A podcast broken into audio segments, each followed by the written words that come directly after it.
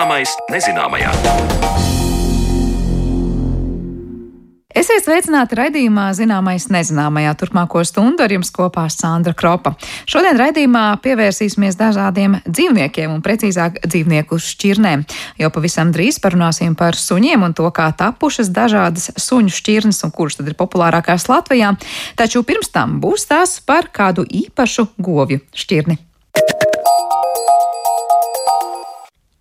Lībiešu teika par zilo govju izcelsmi stāsta, ka tās nākušas no jūras. Šī teika patiesībā ir tikai viena no versijām, kā zilā govs nonākusi Latvijā, bet mūsdienās zilo govju joprojām vairāk varam sastapt Latvijas rietumos. Lai gan Latvijas zilā raisa interesi ar savu zilgan pelēko matojumu, Izcīnīt vietu starp Latvijas brūnaļām zilajai govī nemaz nav bijis tik viegli, un pēdējo desmit gadu laikā zilo govju skaits Latvijā ir būtiski samazinājies. Kāpēc tā un kā šo šķirni saglabāt, interesējās mana kolēģa Mariona Baltkalne.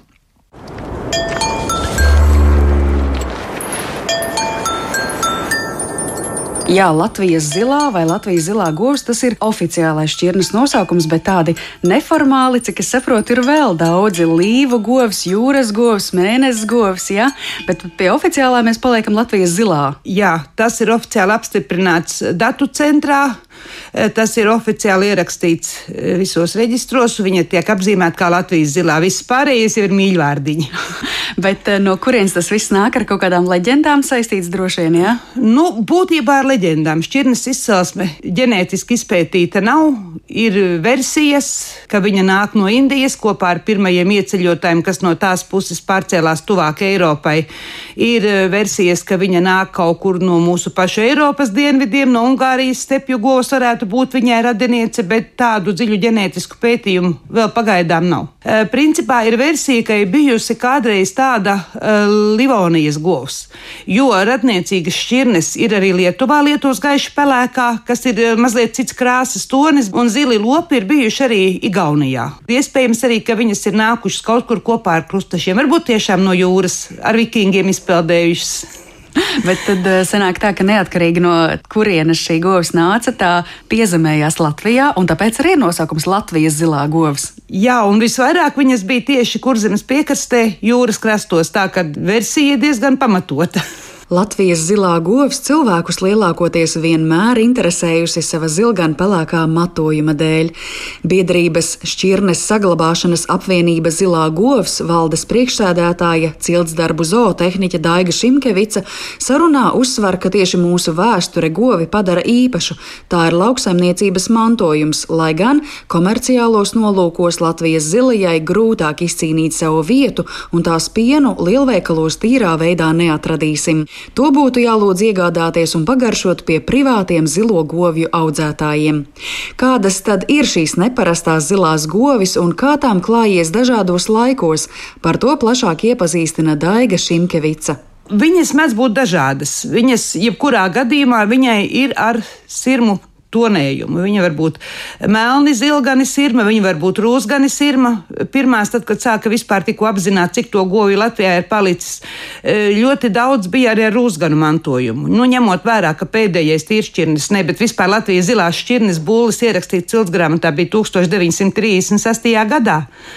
Un viss šis padomju periods un, un arī brīvās Latvijas sākums eh, bija tikai viens, divi dzīvnieki, jo tomēr par to šķirni sāk runāt, ka tāda pastāv, ka tāda eksistē. Mm. Viņi bija palikuši eh, praktiski pār nu, pussimt dzīvnieku no kuriem sāka to šķirni reāli atjaunot, no kuriem ieguva pirmos vaislas buļļus, kuras bija arī buļļu mātes. Nu, tad jau tā populācija auga plašumā, popularitāte pieauga. Zilā gosa kā tāda nebija interesanta arī pirmās Latvijas laikā. Mhm. Viņas uzskaitīja, bet uzskatīja, ka labāk ir Latvijas brūnā, jo viņa tomēr tika izkopta ar vācu baronu ievestajām Eiropas kultūras šķirnēm, un, un viņa bija ražīgāka un tāda, un ka Latvijā nevajag šķirņu dažādību. Viņa saglabājās arī tajos pirmās Latvijas laikos praktiski zemnieku kūtiņās. Viņa nekad nav bijusi lielražošanas dzīvnieks, un tas nav viņas mērķis. Tā īsti interesanta nebija, bet kaut kādā brīdī sākās. Nu, cilvēkiem viņa patika. Mm -hmm. Viņa patika publikai, viņa patika cilvēkiem. Viņa arī, teiksim, padomju laikos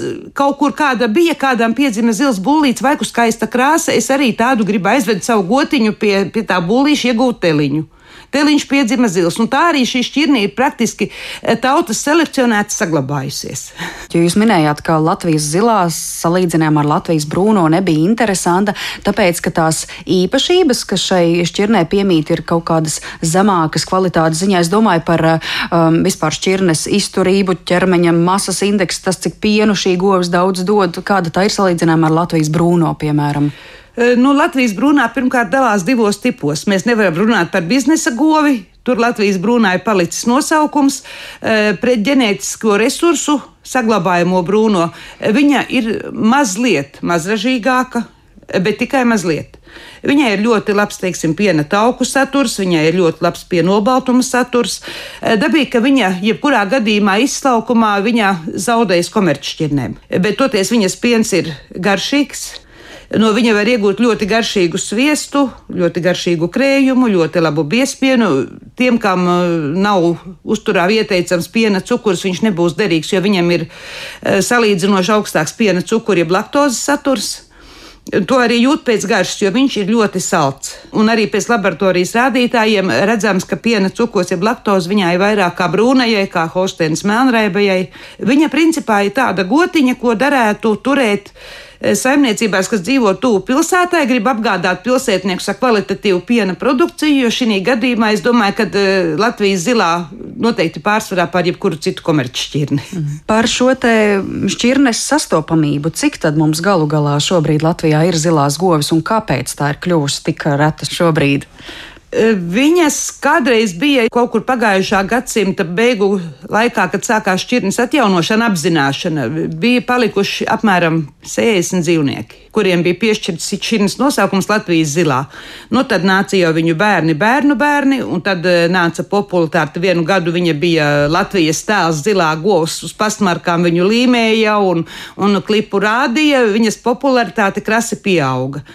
Tas bija ap 2008. un 2009. gadu, kad šo dzīvnieku skaits bija kaut kur 1600. Nu, patreiz ir apmēram puse no tā, jo, diemžēl, krīze ieviesa korekcijas, ieviesa korekcijas tas, kā piena pārstādes uzņēmumi negrib mazo īpašnieku pienu govis nav kur likt, saimnieki paliek veci, kas saimniecību pārņem nav. Nu, tas ir saistīts ar kopējo lauksaimniecības politiku. Vienkārši laukos ražojošo zemniecību skaits ar vien samazinās. Bet tas kritums sanāk 11 gadu laikā ir dramatisks. Nu, puse, jā. Bet kas ar um, visām govīm notika? Kur nu, viņas nonāca? Viņas nonāk visticamāk gaļas kombinātos. Ko mēs varam? Mēs mēģinām vērtīgākās noķert sarunāt, atpirkt, pārpirkt, bet tas viss ir tīri uz privātu iniciatīvu. Tāpēc, kad eh, valstī tādas programmas, kur likt to dzīvnieku, kurš mums ir ģenētiski vērtīgs, kā buļļu māte, viņas nav. Eh, mums nav fermas, kur viņu ielikt. Jā.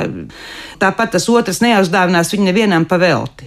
Tā, tā ir tikai tīri biedrības biedru vai teiksim, mūsu klientu kopējā iniciatīva. Ja mēs gribam saglabāt kādu dzīvnieku, ja mēs varam, mēs to mēģinām darīt. Arī tas ir saistīts ar to, ka kādreiz bija tāda iespēja, ka jebkuru zilu teliņu, kas piedzima no zila buļļa un jebkuras krāsas māmiņas, ja viņš bija zilā krāsā, nodēvēt par Latvijas zilo. Bet būtībā mēs tā neatražojām šķirni, mēs vienkārši atšķaidījām tās pašas zilās asins ar svešām šķirnēm.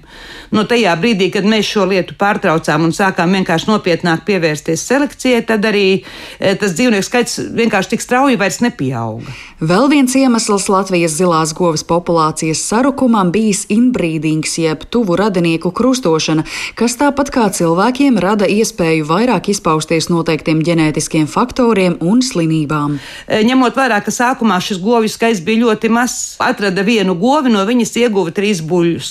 Šie buļļi aizgāja masu teiksim, izplatībā. Atrada vēl kādu govi, tēvu nebija, paņēma vienu un to pašu tēvu, ieguva vēl vienu būli. Nu, principā visi vaislinieki bija savā starpā radinieki, grozies, kur tu gribi. Nu, un tad ir tas pats, kas ir visur. Tēliņi maziņi, mirstība teļiem, produktivitāte krasi kritās pat pie labas ēdināšanas.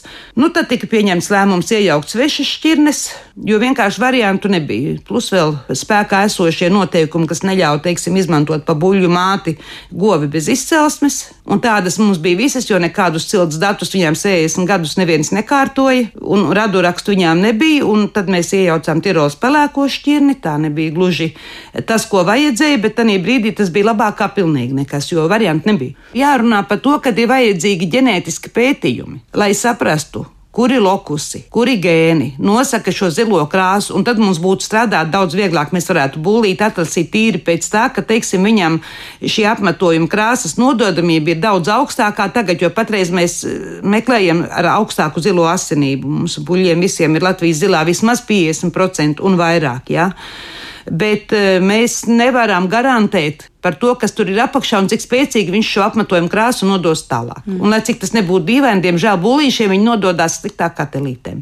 Sanāk, tiem 800 īpaņiem, kas šobrīd Latvijā ir, tas zilais tonis ir tāds variējošs. Jā, ja? jā, viņi var būt ļoti gaiši, viņi var būt rūsgani pelēki, viņi var būt izteikti zili, gaiši zili, tumši zili. Bet, jebkurā gadījumā, viņi būs kaut kas uz zilo toni. Nu, mēs strādāsim, lai kādu vēl ieinteresētu, jo, nu, diemžēl, mēs neesam komerci šķirne, to arī viss ir izteikts. Mm -hmm. Bet tad var teikt, ka tas, ko jūs pašlaik uh, izteiktāk darat, ir vienkārši rūpēties par šķirnes saglabāšanu. Jā, lai viņa nepazustu zudībā, lai vismaz mūsu paudze nebūtu tā, kas apēd pēdējo zilo govi. Kur tad mēs galu galā zilo govi šobrīd varam ieraudzīt, sastapt? Tīrā veidā Kalvenes zoodārzā cīruļi, kas ir Rīgas zoodārza filiāli, tur ir tikai zilo lopu ganāmpulks. Ir viņas lielākoties liepais gals. Jā, ir tālsu pusē, bet arī mazi ganāmpulku saimnieki noveco. Ir tukuma pusē saimniecība, kurā bija ļoti daudz zilo govju, arī viena no pirmajiem mūsu klientiem. Zilajai govī pirmkārt ir ļoti labi izteikts mātes īpašības. Viņa jebkuru ganāmpulku teļu uzskatīs par savējo. Viņas ir pieticīgas, viņām nevajag e, ļoti augstvērtīgu barību, lai viņas dotu produkciju. Viņas ir ilgmūžīgas, viņas ir izturīgas. Ziemā var apaugt kažociņu un arī dzīvot. Bērni viņām ļoti labi aug. Tad varētu teikt, tā no tāda praktiskā viedokļa, it kā uzturēt šķirni ir diezgan vienkārši, bet atkal no tādas šķirnes, kā izkopšanas, šķirnes izkopšanas, saglabāšanas ilgtermiņā, atkal ir ļoti sarežģīti. Ja? Nu, jā, gan, gan. Latvijas zilās gožu šķirnes izcelsme, īpaņu skaitu un šķirnes saglabāšanas izaicinājumus skaidroja biedrības šķirnes saglabāšanas apvienība Zilā govs valdes priekšsēdētāja cilda darbu zootehniķa Daiga Šimkevica, ar kuru sarunājās Mariona Baltkalna. Bet pēc stāsta par reto zilās gožu šķirni pievērsīsimies suņu šķirņu daudzveidībai un par to tad arī plašāk raidījuma otrajā daļā.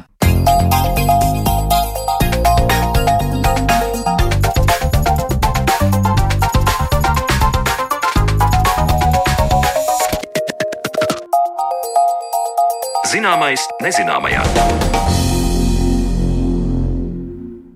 Kopš laika, kad cilvēks pieredzināja vilku un tas kļuva par cilvēka labāko draugu, suņu šķirnes nu ir tik daudz un dažādas, ka nevilšus rodas jautājums, vai citāda aste vai deguns neietekmē šo dzīvnieku dzīves kvalitāti. Par mājdzīvnieku selekciju un šķirņu īpatnībām tad runāsim raidījuma turpinājumā, jo attālināti esam sazinājušies ar Latvijas veterinārā ārstu biedrības pārstāvi Litu Konopori un zoopsiholoģi FCI starptautiskās kategorijas suņu izstāžu eksperti Ingu Cērbuli. Labdien! Labdien! Labdien! Labdien! Labdien. Aplūkojot nu, tās populārākās suņu šķirnes Latvijā sarakstus, kā jūs teikt, vai mēs esam tādi konservatīvi un pieturamies pie tā teikt klasiskām un labi zināmām vecajām šķirnēm, vai tomēr gana daudz ienāk Latvijā kaut kas eksotisks un salīdzinoši jauns šķirņu pasaulē? Sākšu varbūt ar Ingu jums. Tas um, šķirnes suņu hobijs ir ļoti, ļoti starptautisks. Un vienkārši, ja Latvijā ienāk jauna šķirne, tas nenozīmē, ka tā šķirne ir vispār jauna. Varbūt viņa ir simtiem gadu veca, vienkārši Latvijā līdz tam mums vēl nebija pieejama. Un suņu šķirnes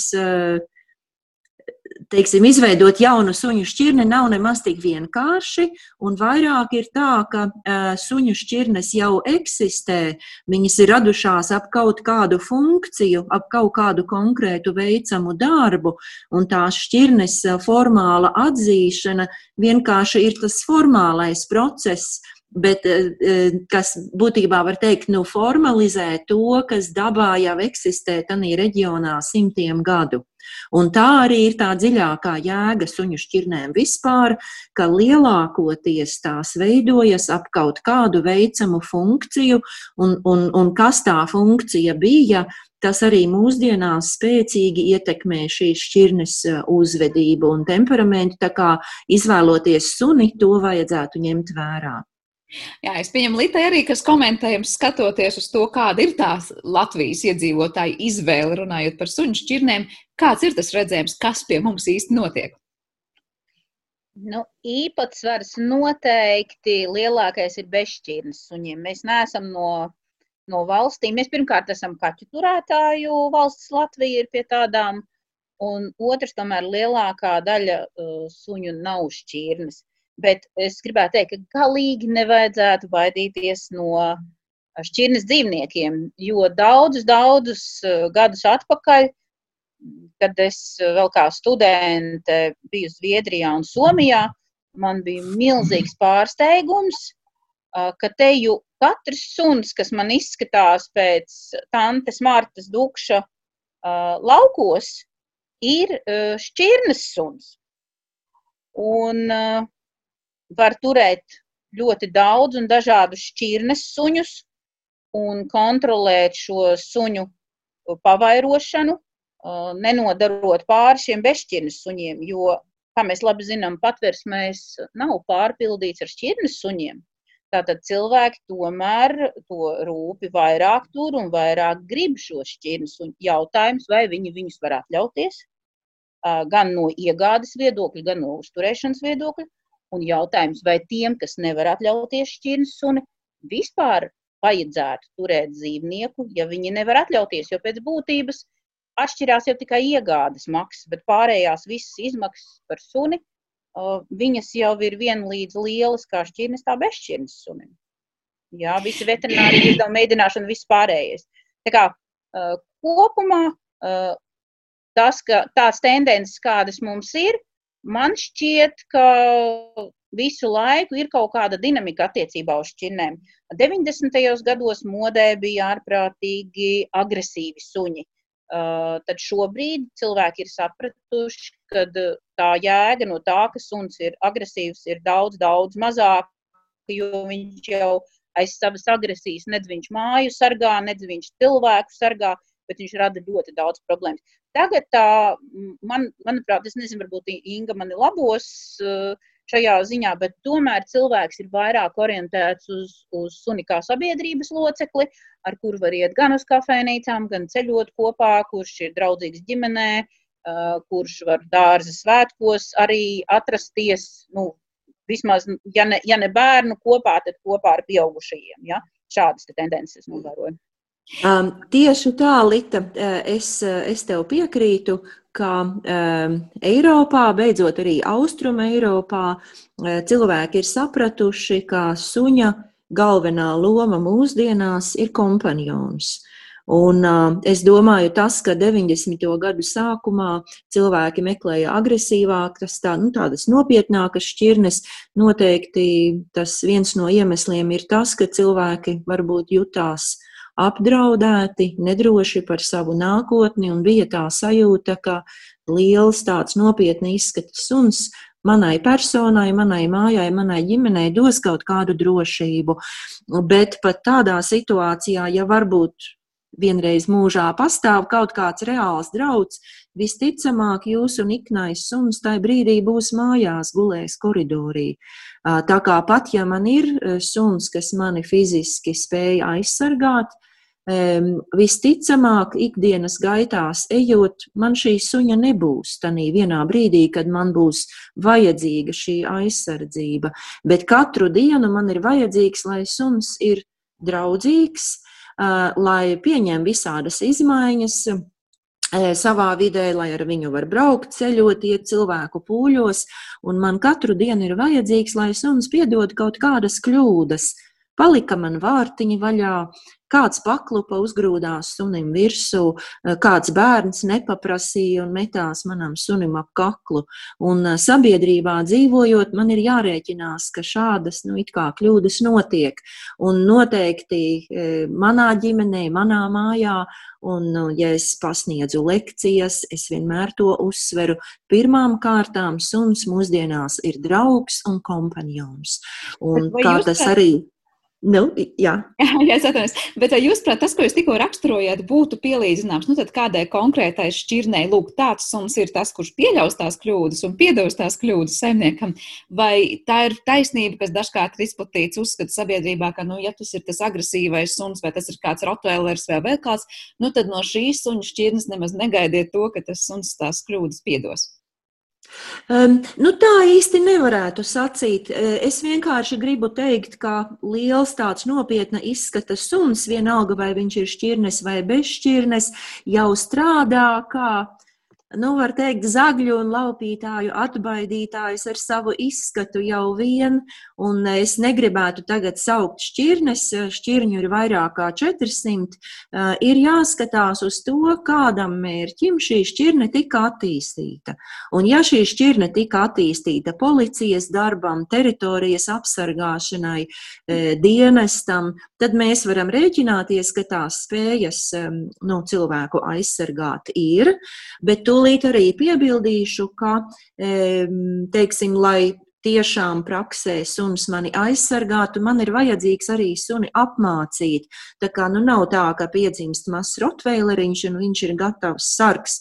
Teiksim, neapmācīts suns, nu, pieredze rāda, ka viņš kaut kādā stresa situācijās viņš arī var sabīties un viņš arī no tā ļaundara var mukt. Tā kā vispirms mēs sākam ar šķirni, kam šī aizsardzības spēja ir pamatos jau ģenētiski ielikta, un pēc tam mēs šo spēju pirmkārt attīstām, mācām suni, kas un kā darāms, un otrkārt mēs arī mācām so to suni apturēt. Jo lielākai daļai šī, šiem suņiem patīk Patīk, ka cilvēks bēg, patīk, ka cilvēks baidās, patīk tajā vatenī, piedurknē ieķerties. Tas ir, tas ir dabiski, bet tad sabiedrībā dzīvojot, mums šo suni ir jāmāk arī apturēt un kontrolēt. Un kopumā Tas ir tāds eh, specializēts darbs, kas prasa lielas zināšanas un ko caurmēra ģimenei es neieteiktu uz to iet.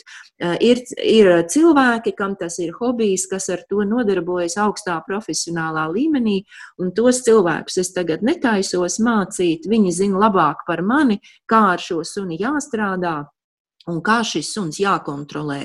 Bet es gribu teikt, ka tā nav norma. Caurmēra ģimenei mēs gribam mierīgu, labsirdīgu eh, mīluli, kas konflikta situācijā nevis cīnīsies, bet piekāpsies. Labi, darīsim visu tā, kā tu saimniec gribi. Jā, runājot par to, kā cilvēki varbūt dažkārt izvēloties suņu šķirnes, neapzinās, nu, ko prasīt no tā suņa. Cik lielā mērā cilvēki grēko, ja tā var teikt, ar to, ka varbūt viņi ir paņēmuši tur medību suni, kurš kopumā ir draudzīgs, mīļš un jauks, bet kuram visu laiku ir jārēķinās, nu, ja viņu nenodarbināsim, tad viņš var teikt, mājās visu laiku liks par sevi manīt, graužot un plēšot kaut ko. Vai tā ir taisnība, vai tas ir mīts izplatīts sabiedrībā? Tā ir taisnība kaut kādā mērā. Protams, sabiedrībā mednieki, kas aktīvi ar ieroci iet un ar šo suni tagad medīs, ir maza daļa. Eh, un, un teiksim, tāpēc, ka es vēlos seteru, tas nenozīmē, ka man ir tūlīt jādabū ieroču atļauja. Um, bet mēs varam skatīties tā plašāk uz to.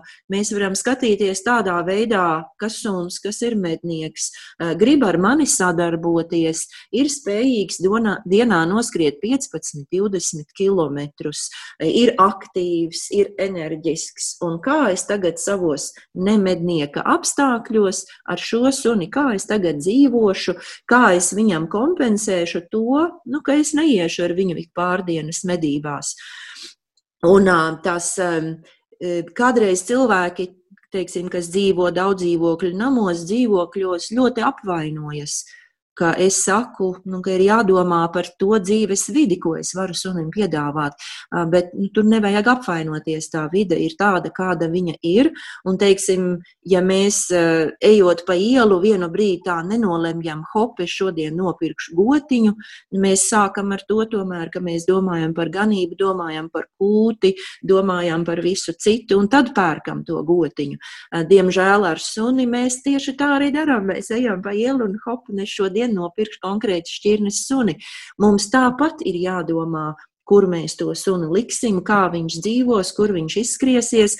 Un tas galvenais faktors, e, kas atšķir sunim sliktu dzīves kvalitāti no labas dzīves kvalitātes, ir tas, cik daudz saimnieks ir prom no mājām un kā tas suns dzīvo, kad manis mājās nav. Jo svētdienā brīvā laikā, kad mēs ar suņiem pie pavadas visi satiekamies parkā, viss jau ir ļoti labi. Bet, ja es strādāju pilnu slodzi prom no mājām, 40 un vairāk stundas nedēļā, tad jautājums ir, ko tas suns dara visu darbu nedēļu, kamēr es esmu projām.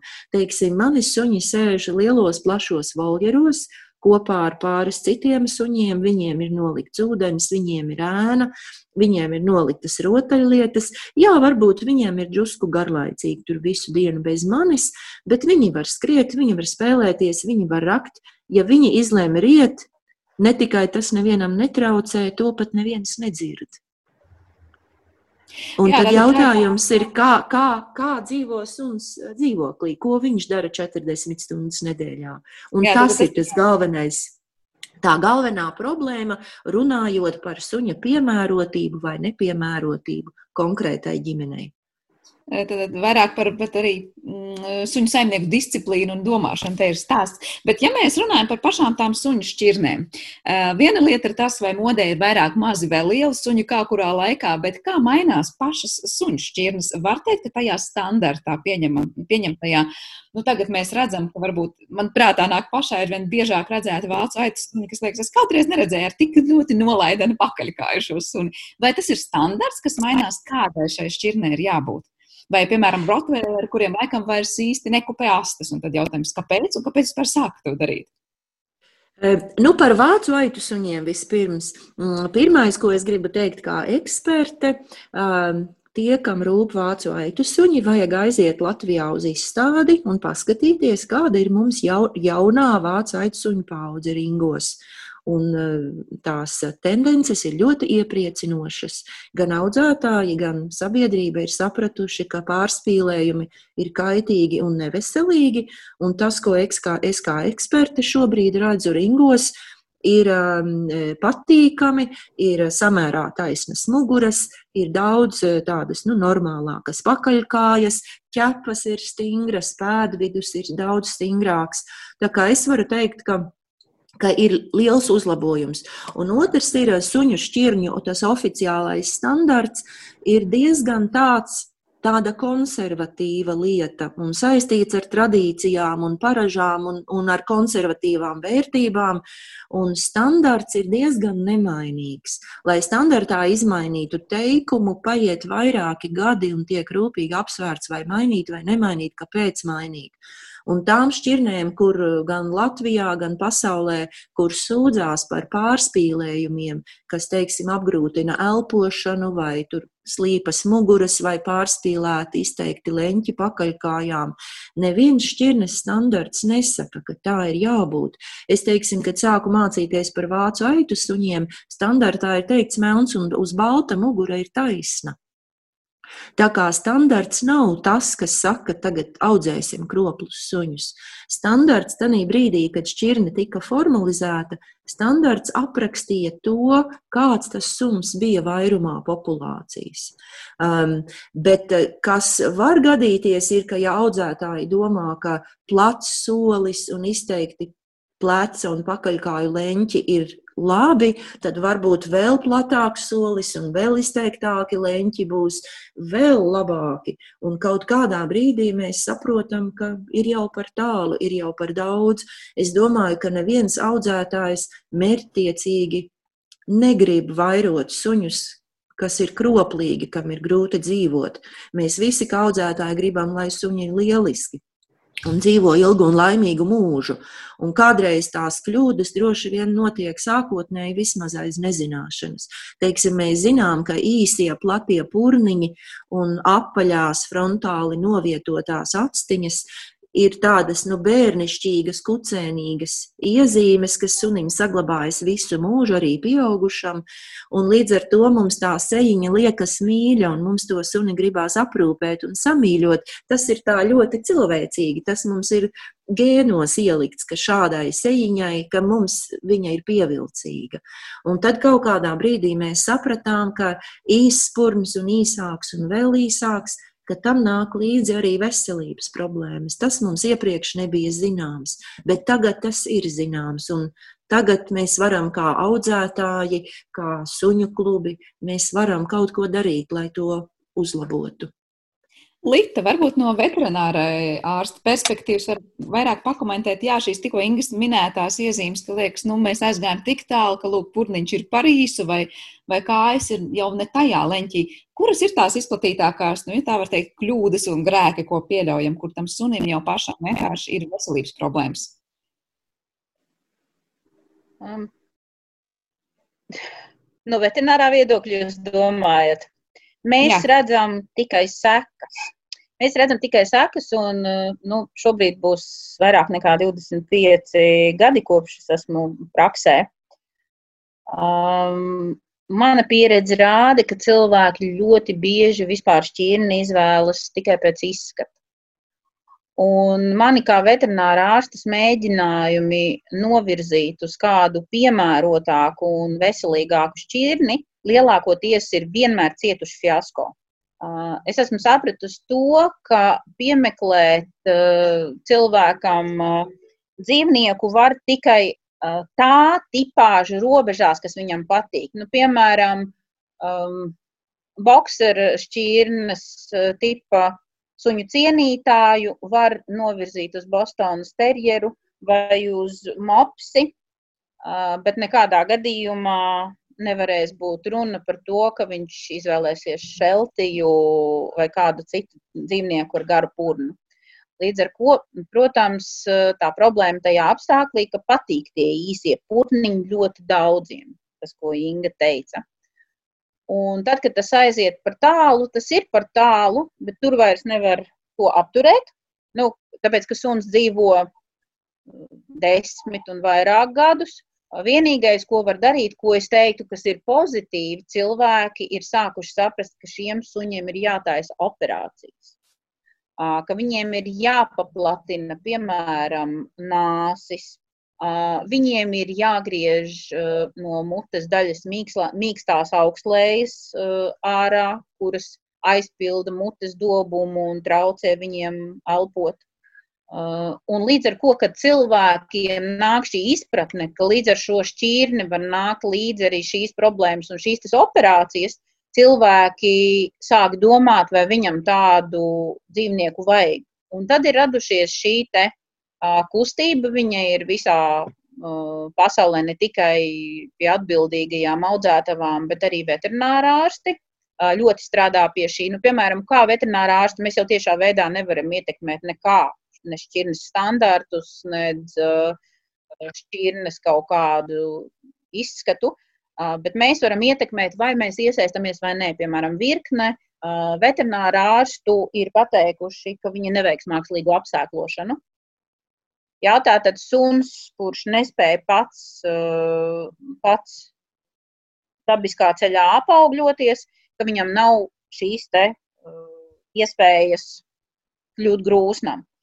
Ļoti bieži tās šķirnes, kuras paš, pašas fizioloģiski dēļ savām anatomiskajām īpašībām nespēja uh, ieņemt, lai būtu šie kucēni, viņi arī viņus nespēja dzemdēt. Un, protams, kā veterinārā ārsts mēs nevaram pateikt, ka mēs netaisīsim ķēzargriezienus, piemēram, tur angļu buldogam, ja? jo tas kucēns ir jādabū ārā.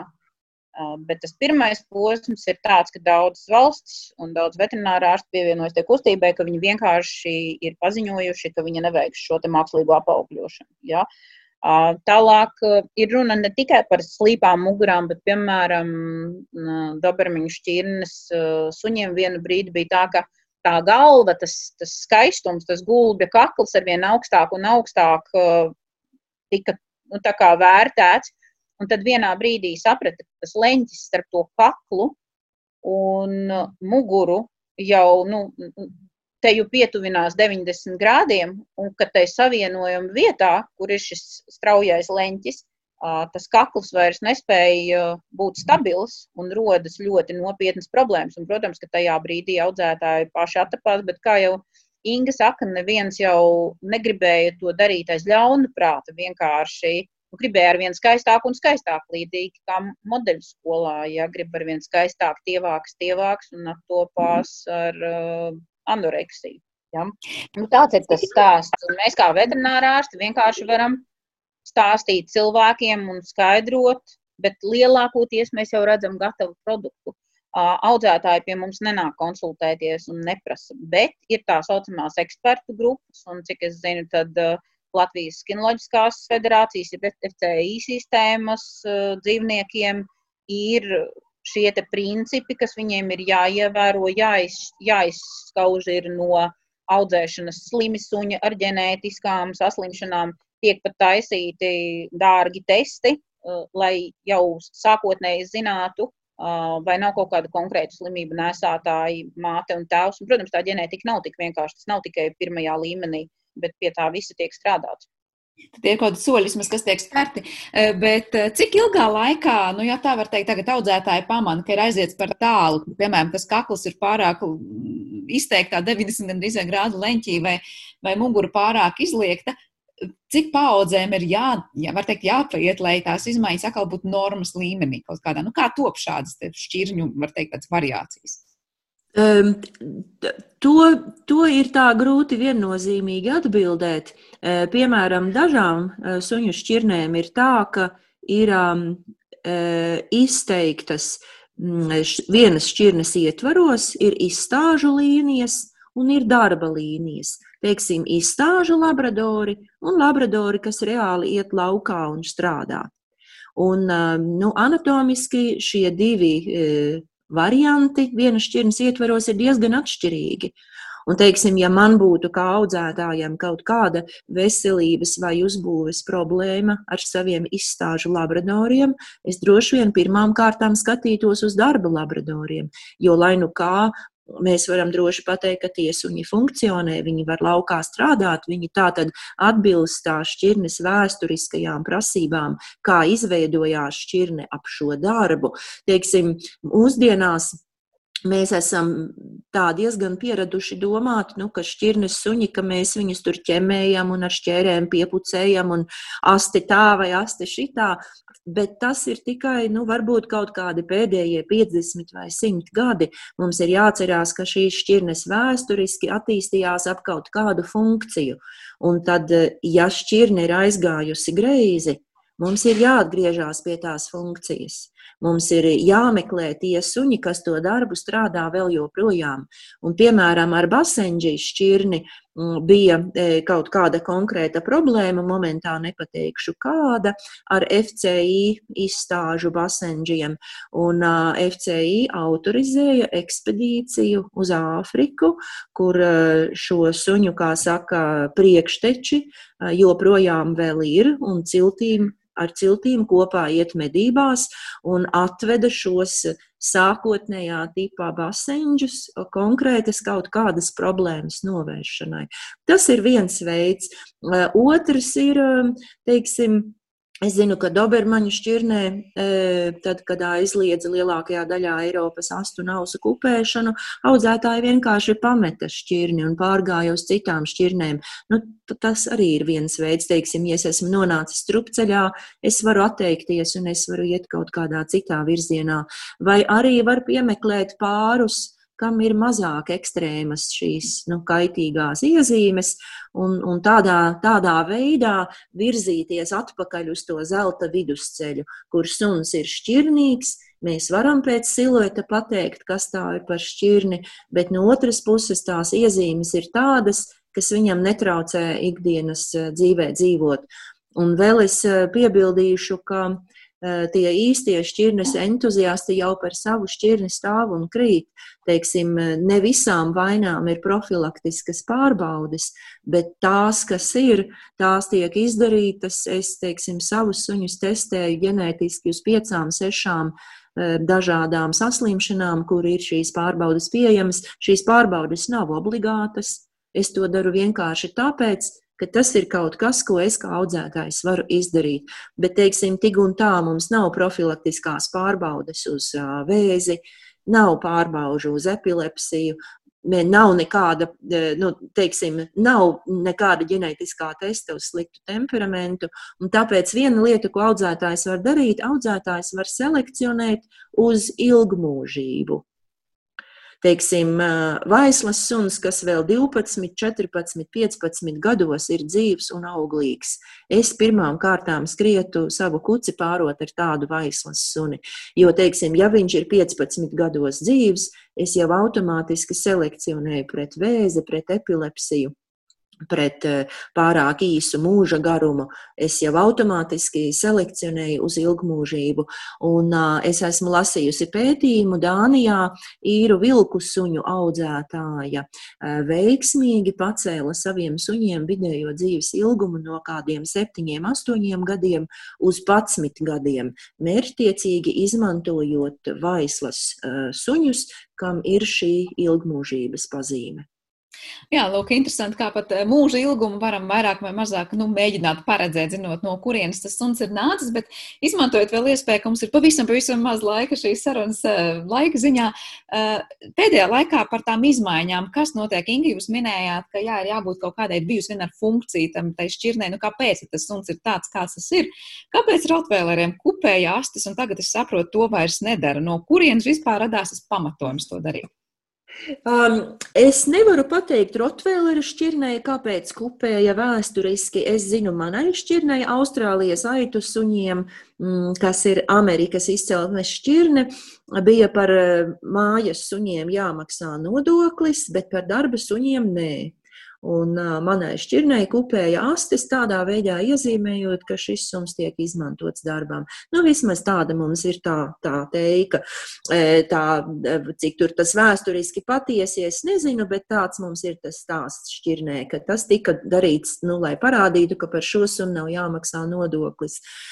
Bet es domāju par astēm lielā mērā Eiropā situācija ir atrisinājusies um, lielākajā vairumā valstu ausu astu kupēšana ir aizliegta jau sen, vairāk kā desmit gadus. Un rezultāts ir tāds, ka arī tajās valstīs, kur kupēt vēl drīkst, teiksim, Krievijā, arī ar vien vairāk audzētāji izvēlas e, nekupēt kucēnus vai varbūt nekupēt visus kucēnus, lai šos kucēnus ar dabīgajām garajām astēm varētu pārdot arī uz Eiropu, jo, teiksim, Eiropā, ja es šo suni ar kupētu asti, ja es viņu nevaru izstādīt, e, tad es viņu arī nepirkšu, es meklēšu suni ar garu asti. Un um, eksperti ir ir pieraduši ringā redzēt suņus ar eh, garām astēm un īsām un dažāda vidēji garuma astēm. Un eh, es tā gribētu teikt, ka tā vispār vairs nav problēma. Mēs visi esam pieņēmuši, ka šīs astes garās ir un būs, un tā tendence visā pasaulē ir uz to, ka arvien vairāk aizliedz astu ausu griešanu, arī, teiksim, Kanādā tagad daudzās provincēs jau ir aizliegts un tā, tā kā tā, tā ir nākotne, ar to mums ir jārēķinās. Un es, teiksim, jūs jautājums par Rotvēleru, suns, es domāju, var braši vicināt savu asti, un viņš ir ļoti apmierināts, viņam tā asti netraucē.